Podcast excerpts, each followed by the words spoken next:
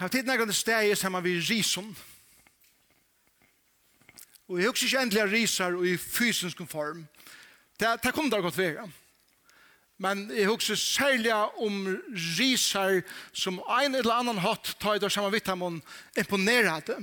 Jeg husker heller ikke endelig om en øyla karismatisk person som utsaler fantastiske styrke, men som til å bedre og i sin risa forme ber ein utrolig eimjugleika som i tøy eimjugleika noen utstrålar ein fantastisk myndeleika. Ja, dit. Jeg rakk jo anker at du kan hever anker en person i livet hva du hukser. Ah, ja. Jeg minnes henne. Jeg minnes henne. Hva for avvarskan til heie av meg. Jeg har fremgjørt at jeg standa sammen med nekvån, stor om folken, og heimsens egen, leieren, politikeren, businessfølse, teologen, troboaron. Men så er det noe som akkurat som skærer fram ur. Tog det er eimjuk. Tog at de kommer her til løven, at de er at løyve snur seg slett ikke om meg. Men løyve snur seg om han. Og alt som jeg gjør, alt som jeg er, og alt det av avvarskan som jeg har i andre folk, snur seg bare om at opplita han og ikke meg. Klei mange av det tar jeg var nærmengar av Emmaus på Ibeskolan i, i Amerika. Første års nærmengar. Pura fesker i øtlensen her. Fyra kjøra gammal var ein professor av University of Dubuque eh, som er heimskjenter, det var heimskjenter, og hei en utrolig respekt i middelen ødel som var innenfor til teologiske verene. En dag så bjør han uh, mer, eller han bjør ikke mer, han bjør noen amerikanere som, som, uh, som var nærmere hjemme av oss, som bjør av mer vi. så han ringte ikke til min, jeg kan gjerne vil hitte. Ikke så leis, men bjør jeg hjem, er at bare være sammen med seg her, og vi kunne spørre han hva som helst, og være sammen med honom. Donald Blash, jeg glemmer jo til han. Gammal maver. Det første han gjør det ta, ta i, uh, vi kom inn, var det han sier til fyrir at vi atler, og det var bare dronjer her, ikke det, det skulle være kvinner, men så var det bare, Alle fingut her gå og bleide stålene og sofna, og han setter seg en krakk. Men jeg var i forsen og han setter seg ned, og han hugger på akon, og han sier, kom tid fortelja mer hvordan og kvann tøtning, Jesus hever tekkra liv. Og jeg glemmer ångat og kusse, tar jeg han så lærte jeg at jeg var ikke var amerikaner, og han hørte at jeg skulle kjøtte min dialekt, og spurte hva jeg kom fra, og ahoen som han hei i mer. Hva jeg kom fra, hva jeg var gifte vi, og, og, og hvordan min banddommer hei vært, og hvordan jeg hørst om Jesus, hvordan man kjenner han, og hva min ahoe vær, for jeg kom av bibelskolen, hva jeg vær, og hva det er innsjø, og hva det falt jeg har leidde meg til i løven. Og han brukte nekva tøy på meg til kvalitet, bare spyrje inn til min, hvordan jeg unge med henne i følgen, sa hvordan Jesus kunne bruke han, og framöver. Per jeg vant til å få en feitan fyrlester om et eller annet til august. Det er jo ikke å si at jeg kveld. Det han var en rise. Som visste at det snur seg slett ikke om at det opphever en sjølva, men det snur seg om at få ånder av å være betidsen av hvor god det er, hvor Jesus er. David, halte jeg være en slukur, han er potensialet for å være en slukur. Annars halte jeg eisende er at her som maten er være på, kjemur vi aldrenen. Men grunden fire, eller grunden steiner fire øtlandsne her, vi er lagt i ungdom, til unge som er i det. Hvis tid og i det, langt kunne få hette inn og tikkere merk, At livet snur seg ikke om å oppleve seg selv, men det snur seg om å oppleve god. Så her er tid potensiale for å gjøre riser. Vi tikkere liv. David, som vi börjar på siste vike, God byrja jeg mynda han langt ut i marsjene og i Bethlehem, av Bethlehems fløten, som han sier da ansier til seg, Og da god hukte etter kvann kan jeg bruka til den neste kongen i Israel, så sa god henda mannen som han fyra eik eit tøy, at han sa i honom, og vi gjør det her siste vikum, at ivergive hjärsta. Et hjärsta som var ivergive. Et tænande hjärsta. Et hjärsta som var klart alt til at tæna øren. Og et ekta hjärsta som var autentiskt, som var verligt, som ikke rønte å spela noen skoespel. God fyra i kjenne mannen. For det første av, vi solitude, vi er tåla og tåra ensemme. Tåla seg sjølvan, først og fremst. Så gjerne, er tåla er være åsattur, At ikke alltid at skulle legge mest til mun, men er klare at arbeid utan atanfyrir kulissene her. Her ungen ser meg, utan bare han som er min audienser. God sjálfur. En, en maver eller kvinna som tåler er vera monotoner. Vi gjør når at gjøre det som tingene atter og atter og atter og atter. At endurtega og endurtega og endurtega. Samtidig som man er realistisk om at livet som er livet her, bare nå Og i min andre liv som en god må samsvære, så la jeg at jeg suttje verleggen i egne og livet. Vi er noen prinsippene i livet som jeg setter meg fire, og i livet som blir av mine livsfyr. David var en slukker. Og det, for at jeg ikke etter hvordan David er konger, og hvordan det er Jack seg, så slår jeg vi meg opp på 4 Samuels bok, kapittel 16, Og la meg se, vet ikke om, i tjøkken som neste måned er, hvis tid vil jeg lese første og ære Samuelsbok, så får det akkurat som søvn av David, og lykke av noen kapitler inn i første kongabok og krønikabok, eisene, um, så, så får det helt av myndene av hvordan livet ikke David var. Og alle talene som er for å være bygd der, og teksten der her. Hette først for David vi er interesseret av for jokken i skriften. Først da, Samuels bok, eller fyrre Samuels bok, 16, fra vers 1. Herren sier vi Samuel, hvordan lønge at det var genga og syrkja om Saul, jeg har jo vreka ham, så han skal ikke være verende konger i Brussel. Fittel hodden tøyt vi olje og færre sted. Jeg sendte det til Uisa i Betlem mitt. Tog i middelen sinere hans herre, har vi valgt mer kong. Samuel sverre jeg, Hvordan kan det her? For Saul til fratta, så dreper han meg. Men han sier, Hav kvui vitt der og si, er du kommet at offra til herran. Og bjau og yseg til offer måltøyna. Så skal jeg leta deg vita hva du skal gjøre. Jeg elsker det her. Så skal jeg leta deg vita hva du skal gjøre. Du skal salva med han og jeg sier det her. Så har man gjort det nå som herren sier, Da han kom til Bethlehem, kom henne eldste i bøynen, ratter i hoa i motor hånden og sette, er det vi gåen, du kommer. Han sier, ja, er det kommet å offre til Herren. Halte til henne, og kom med mer til offermåltidene. Og han ledde i seg, og i sinne hans har halka seg, og beit heimen til offermåltidene. Ta et her kom, og han sa Eliab, og sier han, visselig jeg stender her, hins salvaje herrens fire hånden. Men Herren sier vi Samuel, hikk ikke etter hvordan han ser ut, etla hvordan stor han er, tog jeg har vreka han. Jeg hikk ikke etter tog som menneska hikker etter. Tog menneska hikker etter tog som er fri egen, beileis omsett, menneska hikker vi anliten om, men Herren hikker etter hjertan Så røpte Usa i Abinabat, og lat han fram framför Samuel. Men han sier, helt ikke han hever Herren utvalgt. Og jeg sier, let nu samme komme fram. Men han sier, helt ikke han hever Herren utvalgt. Så let let og jeg sier, tjej siner ganga fram for Samuel. Men Samuel sier vi, og jeg sier, Herren hever ångan av hessen utvalgt. Samuel spurte nu i seg, hvor heter alle drønkene du er hever? Han sverre enn er din yngste etter. han, han sier ikke småfanen. Han sier sammen med seg, send bo etter honom. Vi set okken ikke til bors før han kommer. Så sendte han bo etter honom.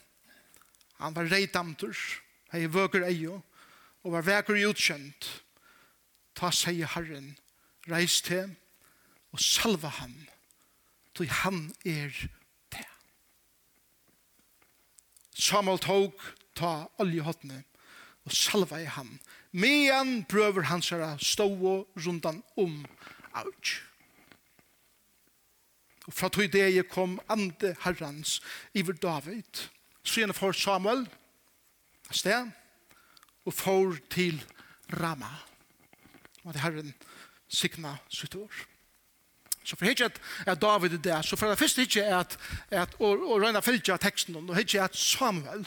Og for hitje er det at hvordan risar, bliva dvørgar. Men eisne kusse dvørgar bliva risar. Og sen etter kusse risar og ein gåan hot læra at liva som dvørgar. Samuel lærer okken etter fyrsta. Hva hender ta ui ein gudsmævur missur dirve? Og det gjør det Samuel her bænt. God sier vi Samuel, langt i kapitel 13, hever Samuel sagt, eller God sagt vi Samuel, jeg har vrega Saul som kong, du han lever ikke upp til den standarden som jeg ser det fire, at min konger skal leve i. Og Gud vrega i Samuel, nei, Saul. Og Samuel, han ligger her beint, og han, han vet ikke hva, hva, hva, hva skal vi gjøre nå? Ingen konger, og det er kaos, og onker må styre. Og God sier, vi han i sin første versen, Samuel, hvordan langt at det bør vi at genga som et baden og syrja ein som jeg har sagt ikke skal være i en posisjon langer og jeg vil seta en nutjan. Dette ser man. Det er faktisk det som han sier. Velvidende er gode kjøkken der vil åpna inn av Samuel og vise honom hvordan han arbeider. Jeg sitter langer inn Vet du hvordan en Guds maver og en Guds kvinne som vi er her i det missa måte? Jeg synes ikke det minns i atter og atter i meg selv, men jeg synes ikke det er snitt som nekken som er tjene som er vi. Og ta første er etter, ja, vi missa måte ta og vi begynner ivast og om god er i kontroll.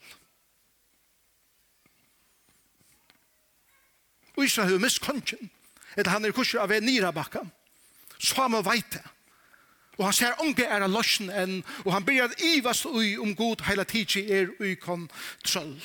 Men det er så Samuel glemmer, to at han visste det, fra erfaring, til at han glemte at god er alltid til verska, at han fyrir kulissen er, er gjerra og udina sin vilja, og i ötlun som han gjer. Åren heimeren var grund av vår kære brøver og systrar, hei god hesa vikina, som mulig at her hei hei hei hei og i hoa. God hei tutt loiv i hoa, åren heimeren ver grunnavur. Han ser tutt strui, han vei tutt strui.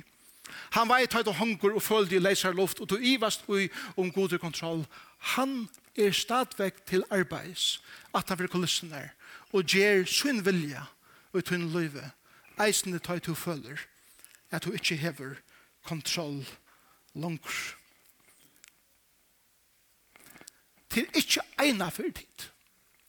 Og for himmelen er god gong rundt og sier, Oi, hva skal jeg gjøre nå?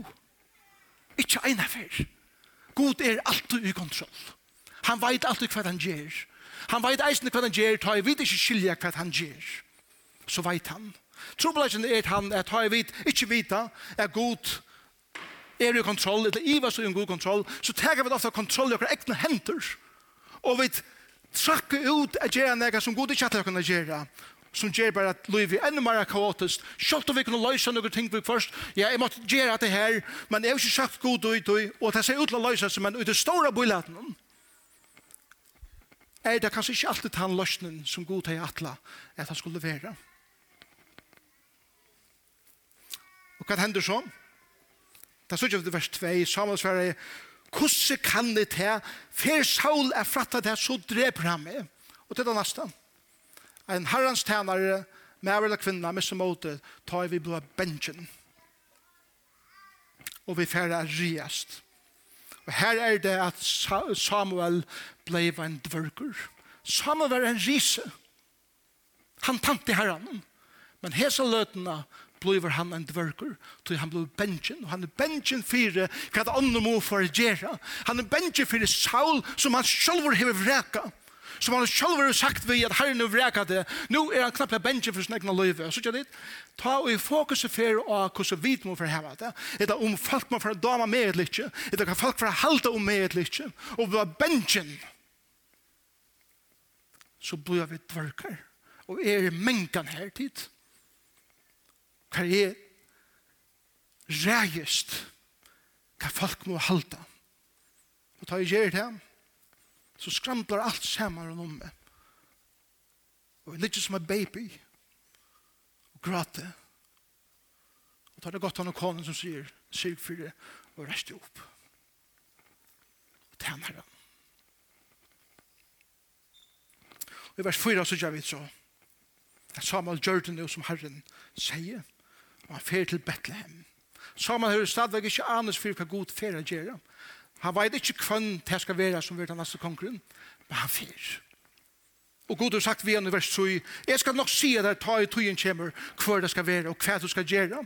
Tårer vi til, og jeg kan, og jeg kan løyve, Jeg færre stavik først, og i trygg, jeg var ikke annet for god for å gjøre i sånne her høvnen. Jeg vet hva det er jeg men jeg vet ikke hva god for å gjøre, og jeg får ikke gjøre som jeg har gjørst, jeg vet hva god for å åpenbære det for meg. Og så færre til verska. Og ta i tøyen kjemmer, så åpenbære god for dere hva det er som vi skulle gjøre. Så ikke det. Og i herrens verste, snurr det oss ikke så gjerne om hva det hever i hjernen. Det kan godt være at han fornuftigaste og klokaste og alt møvlet med å være kvinna i verden. Men herrens versk snur seg slett ikke om at være kloker, eller være sniltor, eller teg tingene. Det snur seg om å være løyen. Lyttene er det som Herren hikker etter og hjertet noen, så som tæner er først og fremst. Kosta hva det kosta vil, så det lyttene er som vi eier. Og det er det som nå kommer i Samuel etter bankra mata. Han er, han er en vørkur, men, men nå minnes han, åh, oh, nemlig ja, jeg veit fra søvn jeg har god i kontroll, og jeg tratt jo karakterater. Og han fer til Bethlehem, og han gjør det som god blir han gjør det, han, han gjør det han målte og han bjør i seg, og sin hans herre, tar koma atler, og på rad og rekke, og stiller seg her til at nå for okkur at hente. Og til det neste. Ta i risar, blod at vörkar, ta suttja vi nu i sinon uisais. Ta i vid ikkje suttja en så god sær. Til det som er neste teksten lærer okken. Så leser vi i vers 6. Ta i det kom og han sa Eliab. Hok sier han, visselig jeg stender her hins salvaje herrans fyrir hånden. Eliab mersker god er fægir. Så navnet betyr et eller annet ved at hans mæren er heit personlighet, og han kviler ui av god er med feir. Det er ikke galt hans andel av livet. Selv om ikke valgte konger. Og han kommer hans godt ut til Det sier teksten, i middelrekken lærer at det er maver som, som virkelig ber seg vel, og han utstråler nekka, og Samuel hikker at mannen og sier, wow, her er lyset seg Saul, og, og, og tog, må, må hatt seg være han. Og sannliga stendur herrans salvaje fire mer. Annars tid som er single, har det ligla vers til tikkun. For det John omkran så sannliga stendur herrans utvalde fire mer. Tro ble ikke bra tanna, så kommer herren og sier, jeg vrekkant han. Ah, ja, men han ser så godt ut. Jeg vet, men jeg har vrøkken. Ikke bruker det verset til det her. At det slett ikke at det later. At det får vise hva, hva god gjør. Så gjerne kommer neste. Abed nabed. Det betyr god er tegnarleir. Så han, han har sikkert haft disse utstrålingene øyelig at tignalier. Eliab var kanskje mer omfavnende heiter i personlighet etter sin navne. Han er mer tignalier, og han gonger fram og han marsjerer rett, og god sier heldig ikke han.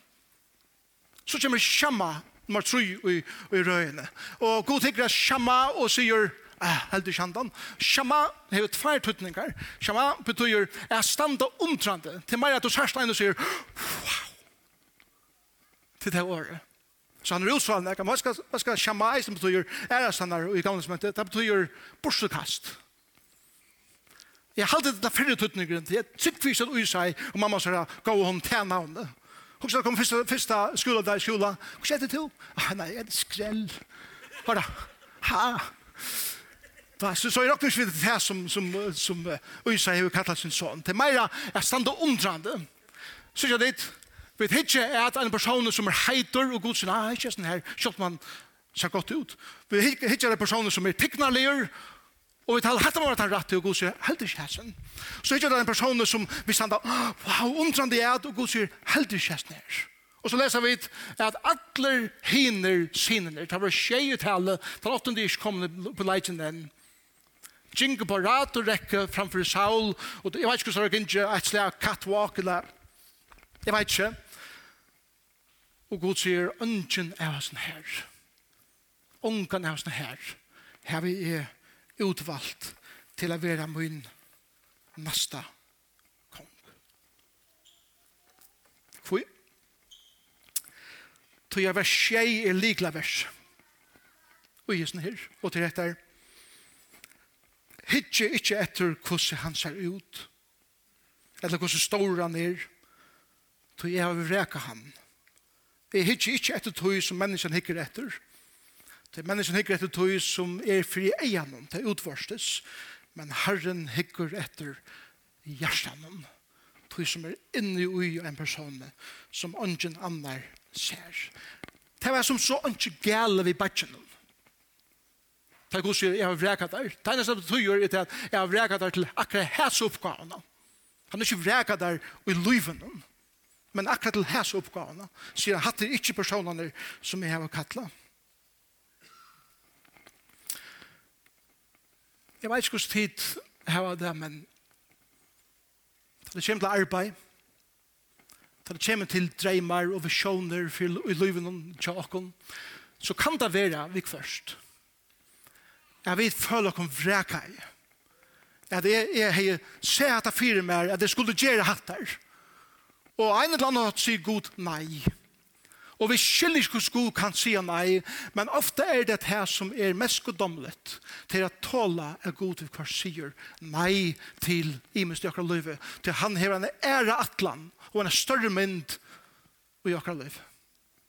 Vi vet et annet til det er vi først, så kunne vi trusta oss så nekk fram til at skulle gjøre et eller annet, og vi få det, det er det som det gjør det ved Saul, Og Gud sier, ok, hvis vi vil hava det her, så får vi det. Men han er ikke det rette. Det kan være at to erst i omkring bænt nå i løvnen, som to hever stemt så nek etter. Men det er ikke det som Gud at det er.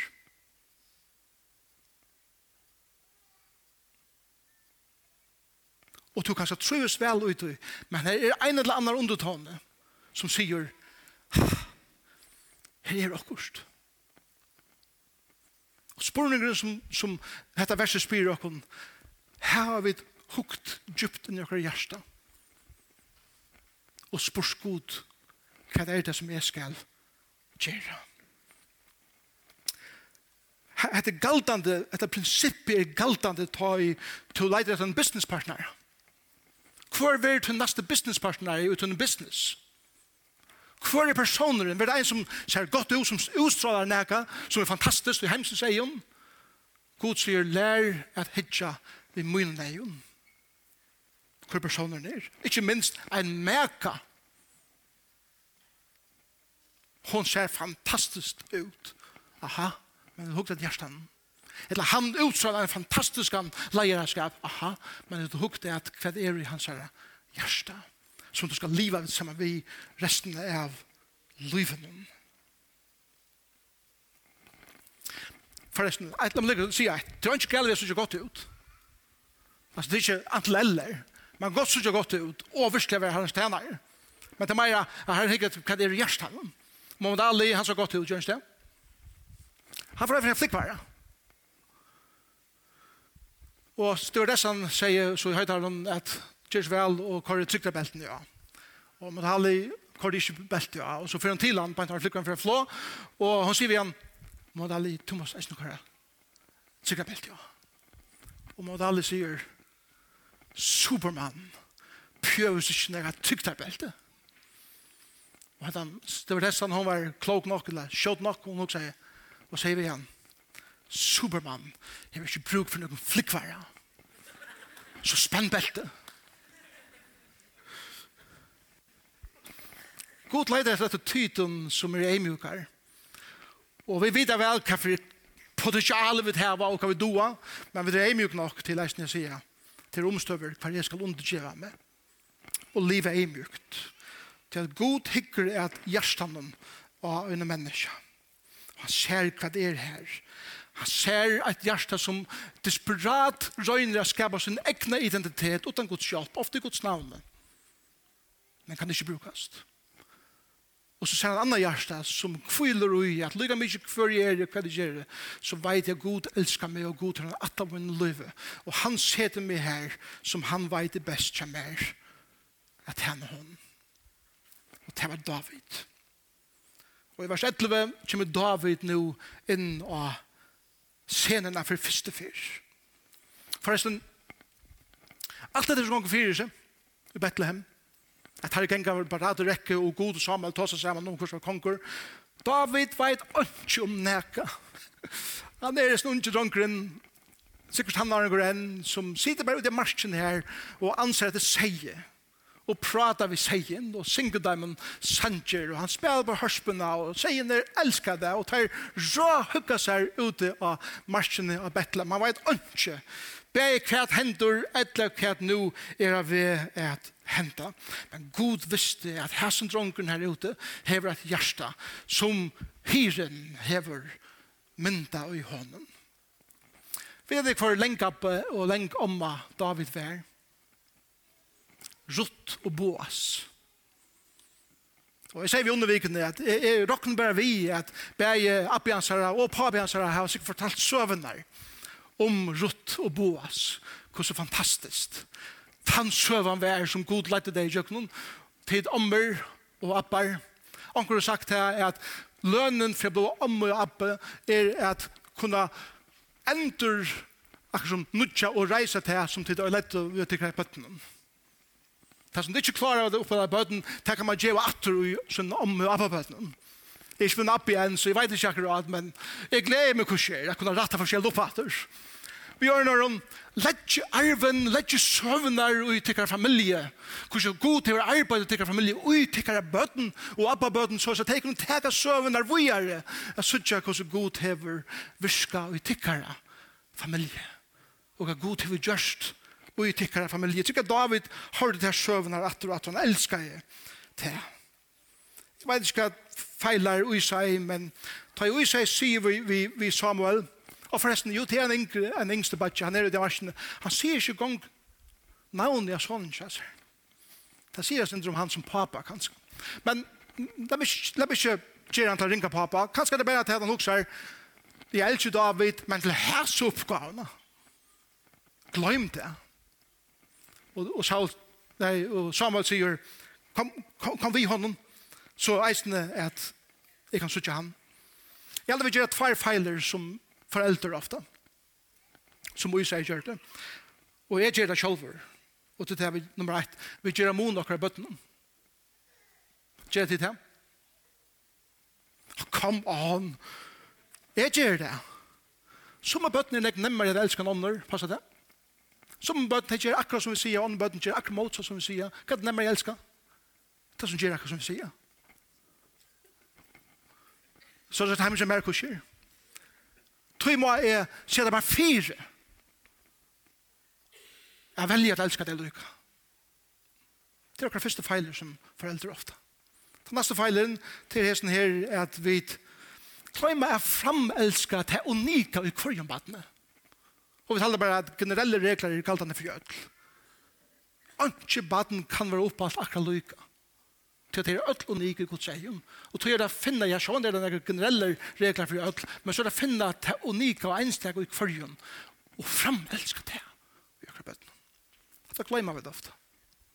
Kanskje jeg glemte å yse det, jeg vet ikke. Samuel, han, han sier, vi ser dere ikke nye for han er kommet.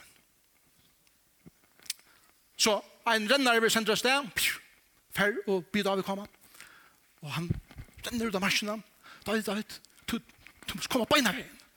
Og David reiser seg opp fra seien, og han syns ikke for at noen annen ansetter seien, og han, han kommer heim, han kommer inn i dette her, så offermåltøyene, han stinker stadigvæk av, av seierlørste, og, og seie, og ødnelsene, han er uilaten disse klæene som han slett ikke tøy at fer inn og gjør alt det forskjellige, som hinner av tøy til.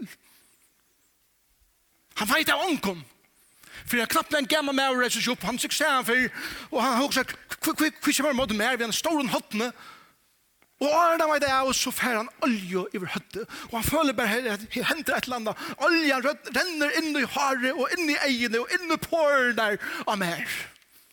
Og han er ikke anus i fyrka kong fyrs. Teksten sier det. Nesten så er det at, hva skjer her? Josefus søverskriver sier det øyne vel. Da han kommenterer om det her. Josefus sier det så leis. Her er så senene.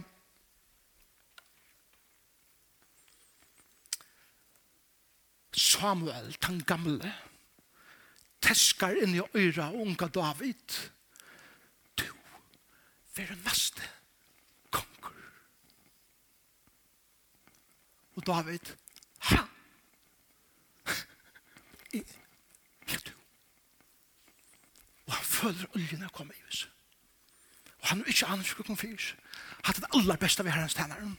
For det er ikke vita, jeg! Yeah ikke gang for, for, for, for tog til at, akkurat som at, at hukse seg om nesten, men for at sett i frelse ut av tæn her. Oljan er en mynd da man salvar om hvordan oljan eter seg inn i hare og inn i pårene. Er en mynd av hvordan Guds signing og Guds nervere og Guds kraft og Guds ande eter seg inn i hare tårnar og den djupsta og en mann og en kvinne som skal tjene seg her. Det sender fra tog deg og i vers 13. Kom ante herrans iver David. Og hatt det var det som, som herren leida etter. En maver og kvinna som gjør det sitt arbeid til lyder til fullnær vel. Vel Og ta nærka du hugsa om at det skal bli ståre, det skal søkja mot. Og Herren kom inn og, lett, og lytte ham opp. Tid. Ein og kvar som vil gjøre et versk, og i Guds navne, og i Jesus navne, utan kraft heilig andans, fer er brenna ut. Og derfor ønsken myndeleit er vera ut i tjenestene hvis du tjener herren om være til arbeids, eller til som du sier, eller middel til en familie, eller være her. Du måst være avhengig og avhengig av at hele anden slipper å gjøre sitt versk og ut her, og om bæra fyrt her. Hvor først du erst, og søgjane hva du skal gjøre. Og så les for David. Nå, da blir enda vi snart. Hva er det David gjør det? Det mener vi, han rakker for ikke videre til kronasse konger i Israel. Men det er færre om han i vi har handel langs han i bøynen og kjøper seg et nødja kape. Det skal være det flotteste når det skal være konger. Og, for, og han reiste ferdig i en annan handel er kanna kongakroner. For å få akkurat rødt i støttene.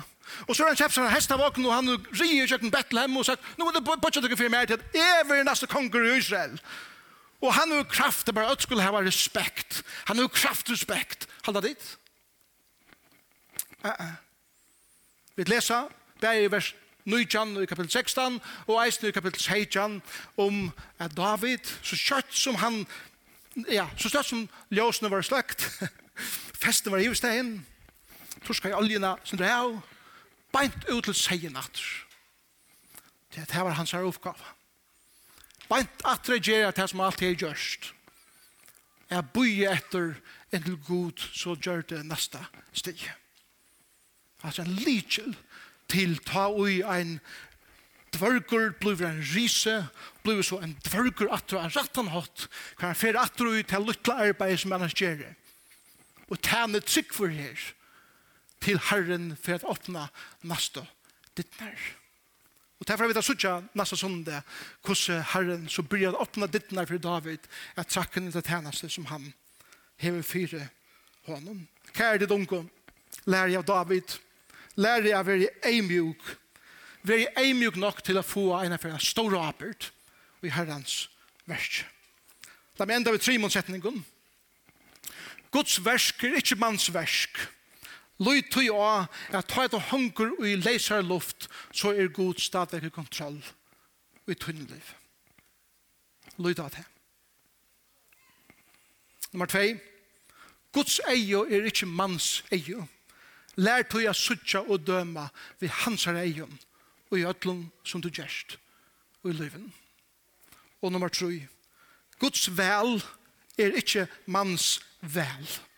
Mens til a god reiset han opp som er eimjøkker, og han sedet han til suyes som er stolt. som tæner bare for seg selv og ikke for Jesus. Og måtte vi lærst det av David, og måtte Herren sikna sitt år.